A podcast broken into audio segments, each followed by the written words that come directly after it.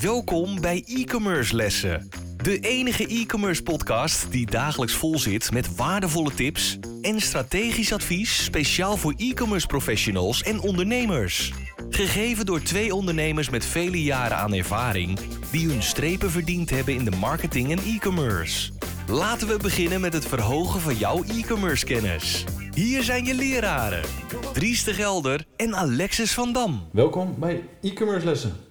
Les 64, ik ben Dries de Gelder. En ik ben Alexis van Dam. We gaan het hebben over emojis. En ik zie gelijk een uh, lachend gezicht van Dries. Ja. Doe me gelijk denken aan, uh, aan zo'n leuke lachbekje van een emoji. Ja. Um, ja, misschien een beetje een raar onderwerp. Uh, maar goed, we, we, willen breed gaan qua marketing, e-commerce en toepassing. Dus ja, emojis, ze zijn natuurlijk niet meer weg te denken. Um, is het een toevoeging? Nou ja, dat is een hele goede vraag. Ik denk uiteindelijk wel. Um, want laten we zeggen, in de communicatie of de marketingcommunicatie die online gebeurt, uh, dat is vaak toch tekst, tekst georiënteerd. En tekst alleen is, um, ja, komt wat saaiig over, niet zo visueel, niet zo kleurrijk. Uh, en emojis kunnen natuurlijk een stuk kleurrijker maken en een stuk visueler maken. Um, daarmee ook wel gelijk misschien de uitdaging, en dat is wel eventjes goed om te benoemen, niet iedereen interpreteert een emoji op dezelfde wijze. Um, dus bijvoorbeeld zo'n glimlachend uh, um, uh, emoji met van die uh, rode wangetjes een beetje, dat kan natuurlijk op verschillende manieren worden uitgelegd. Dus pas inderdaad wel een beetje op met hoe jij denkt, ik interpreteer het zo, kan ontvanger het heel anders interpreteren en daardoor creëer je miscommunicatie. goed om het even aan het begin wel te zeggen, want het is een pleidooi om ze wel te gebruiken, maar wel rekening mee dat mensen het anders kunnen interpreteren. Um, Dries, wanneer gebruik jij emojis? Ja, in WhatsApp gebruik ik het echt uh, eigenlijk bijna altijd. Uh, ik gebruik uh, heel vaak al zeg maar voordat de emoties kwamen, de dubbele punt en dan de, wat is het, het aanhalingsteken. Of nee, haakje sluiten. Haakje sluiten ja, geen idee hoe je die heet. maar die gebruikte ik al heel vaak en dat was dan al een vorm van een smiley. En in, als je echt heel luxe deed, dan deed je er ook nog een, streep, een liggend streepje tussen. Dan had je ook nog een neusje erbij. En zo kon je laten zien of je vrolijk was of niet vrolijk was. En uh, ja, nu heb ik natuurlijk die emojis en uh, ja, ik gebruik ze heel veel in, uh, in WhatsApp. in de mail eigenlijk niet, maar nog wel mijn dubbele punt en mijn, mijn aanhalingsteken, zeg maar. En daar gebruik ik ze wel. Um, op LinkedIn gebruik ik ze ook wel eens om wat aan te duiden. Je hebt tegenwoordig natuurlijk zoveel emojis dat je ook een, een, wijzende vinger hebt. Dus als je denkt van hé, hey, dit is een een, een, interessant onderwerp, hier moet je zeker even naar kijken. Geef het een wijzend vingertje ervoor. Of uh, wat je ook vaak ziet, uh, een vlammetje erachter. Dat je denkt van hé, dit is echt on fire, dit topic. zo kan je het een beetje proberen te bekrachtigen. Ehm, soms heb ik wel eens het idee dat er zoveel emoties gebruikt wordt dat het professionele er een beetje van af is. En dan vraag ik van ben je niet te ver gegaan? Dus ja, ik, ik gebruik het wel. Maar ik weet niet zo goed hoe altijd. Dus uh, ik hoop dat jij daar meer over kan vertellen. Ja, er zijn een aantal dingen. Hè. En eventjes vragend, hè, dat WhatsApp, is dat dan puur privé gebruik of ook zakelijk gebruik? Uh, allebei. Oké, okay, ja. Nou, natuurlijk WhatsApp is zeker een, uh, waar mensen heel veel emoties gebruiken. Um, maar je, ook uh, LinkedIn messages uh, bijvoorbeeld. ja. Nou, het leuke natuurlijk van Outlook en Gmail en, en alle andere tools die je gebruiken, dat ze tegenwoordig gewoon die dubbele punt en haakjes sluiten automatisch omzetten in een smiley of in een emoji. En dat is natuurlijk eigenlijk om het makkelijker te maken. Daarmee zie je dus wel eigenlijk, als je vanuit dat perspectief kijkt, de intreden komen dat het ook steeds meer zakelijk geaccepteerd wordt. Um, het maakt het wat leuker. He, kijk, hoe voel jij door het even aan te geven in emoji, um, is leuk om dat te weten. Maar het bijvoorbeeld dingen on fire en met name bijvoorbeeld zo'n wijzend vingertje. Als je dan even terug gaat kijken naar uh, de psychologie, uh, dat zijn gewoon psychologische factoren. Want mensen volgen namelijk uh, directional cues, zoals het zo mooi in het Engels heet. En wijs het vingertje naar bijvoorbeeld een knopje of een klik hier link of ga hier even naartoe. Dat volg je ogen automatisch. Dus ze komen automatisch uit bij uh, waar je wil dus uitkomen. Dus het heeft, behalve dat het leuk, visueel, grappig uh, en ook misschien serieuzer is, heeft het ook psychologische voordelen. Maar, wat Ries terecht zegt, er zijn heel veel emojis. En ze worden soms ook wisselend gebruikt uh, en grappig gebruikt, of soms een beetje onbedoeld grappig gebruikt. Uh, maak er voor jezelf een juiste keuze in. Um, ik heb mijn eigen updates op LinkedIn uh, gebruik vaak een emoji bij het begin van een, een nieuw blokje. En een blokje is eigenlijk een, een regel om het ook um, visueel attractief te maken en mensen ook door zo'n berichtje heen te laten komen. dat maakt het gewoon leuker. daarmee zeg ik niet zijn eindeloze berichten bij mij. Maar het is wel wat visueel onderscheidender om gewoon emojis goed toe te passen en te gebruiken. Uh, bijvoorbeeld, ik gebruik zelf heel vaak de target voor doelgericht. Of ik gebruik inderdaad het lampje als je een idee hebt. Of als je een vraag hebt. Dus je kan wel een beetje gaan associëren van wat zijn emojis die goed passen bij het stukje tekst wat je aan het doen bent.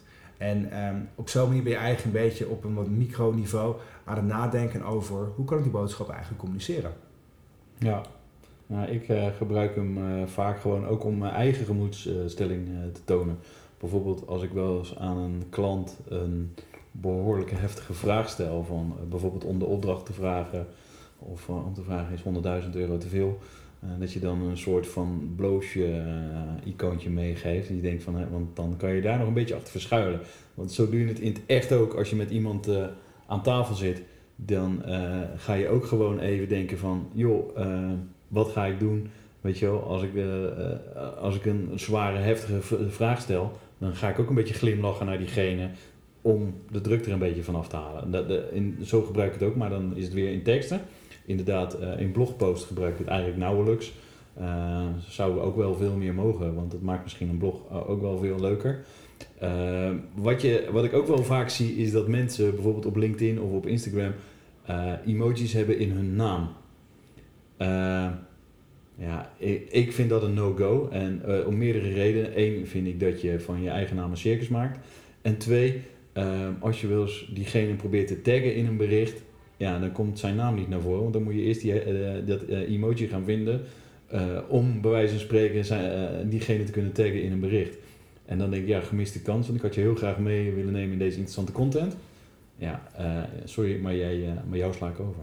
Ja, nou ja, heel, heel uh, denk valide puntje, uh, of punt eigenlijk. En uh, op LinkedIn zelf heb ik in mijn um, um, headline wel twee emojis staan, um, maar niet in mijn naam. En inderdaad, in de naam vind ik inderdaad, de naam is gewoon je naam wie je bent. Dat is gewoon tekst georiënteerd.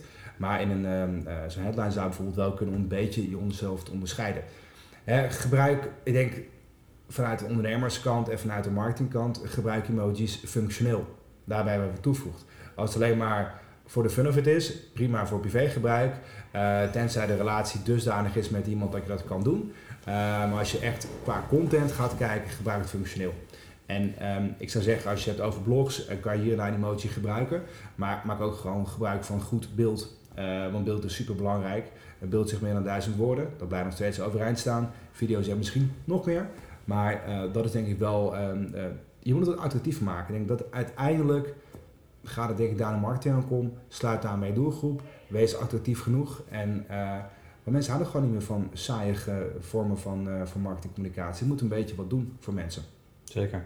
Kan je even mij even een mysterie weghalen? Als ik bijvoorbeeld in uh, WhatsApp of op LinkedIn het woordje dankjewel in tik, dan krijg je die handjes die tegen elkaar aanstaan.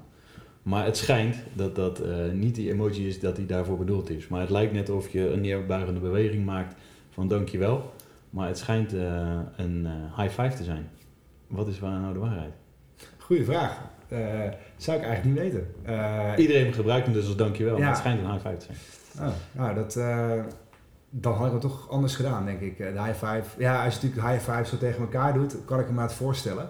Ik visualiseer even voor mezelf nu hoe het zo zit. Um, ja, dan had ik hem toch misschien schuin gedaan. Dat de handen schuin tegen elkaar kwamen, niet zo netjes tegen elkaar. Want als je na het, ik heb zelf een tijdje in Azië gewoond en daar is heel vaak dat ze dat zo doen. Een beetje dat, uh, dat knikje erbij, van dankjewel. En dat, um, daar lijkt het toch meer op. Maar goed, dat is dus interessant, de verwarring die daar ontstaat. Maar als het sociaal nu geaccepteerd is dat mensen zien, oké, dit is dankjewel. Ja, dan is het net zo. Hey, doe het maar eens een WhatsApp en automatisch uh, op je iPhone genereert hij dat. En op je Android trouwens ook, genereert hij die emojis.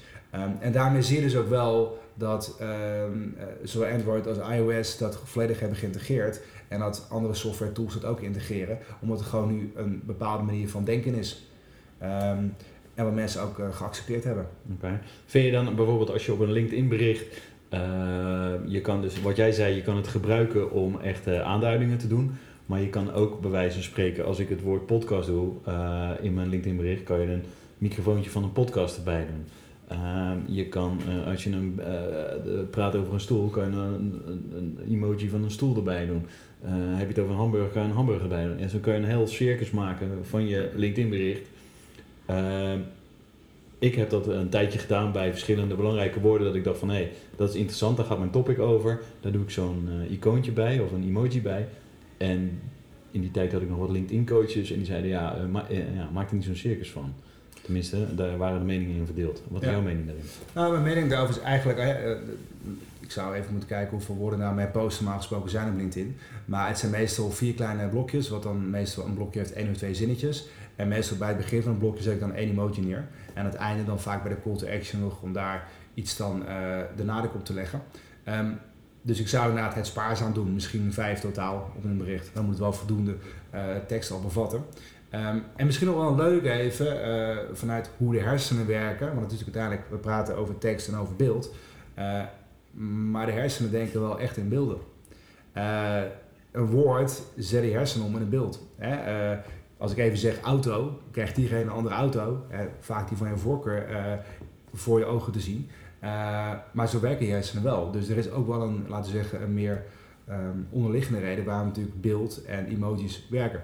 Eh, het is net even, oh, lampje. Oh ja, dat gaat over ideeën, over nadenken. Goh, laat ik eens even kijken wat staat er eigenlijk. Ja. In plaats van dat je eerst mijn idee is en dan moet je eigenlijk gaan lezen, gaan omzetten, gaan nadenken. Terwijl het beeld is in één keer, communiceert dat. Ik vind misschien ook wel een leuke aanvulling op eh, onze vorige les over eh, persona's. Wat zou jouw avatar ervan vinden? Wat zou jouw persona ervan vinden? Welke emoties die leuk zou vinden? Dat is een hele goeie. Hè? Eh, ehm, uiteindelijk vraag het jou, jouw klanten. Eh, hoe zouden zij dat vinden? En kijk ook eens bij de klanten zelf. Hoe communiceren die? Gebruiken die het wel? Gebruiken die het niet? Eh, en stel gewoon eens de vraag. En om nog een eh, link te leggen met een andere die we hadden over de podcast. Als je eens een keer naar mensen interviewt, heb het er eens even over. Ja.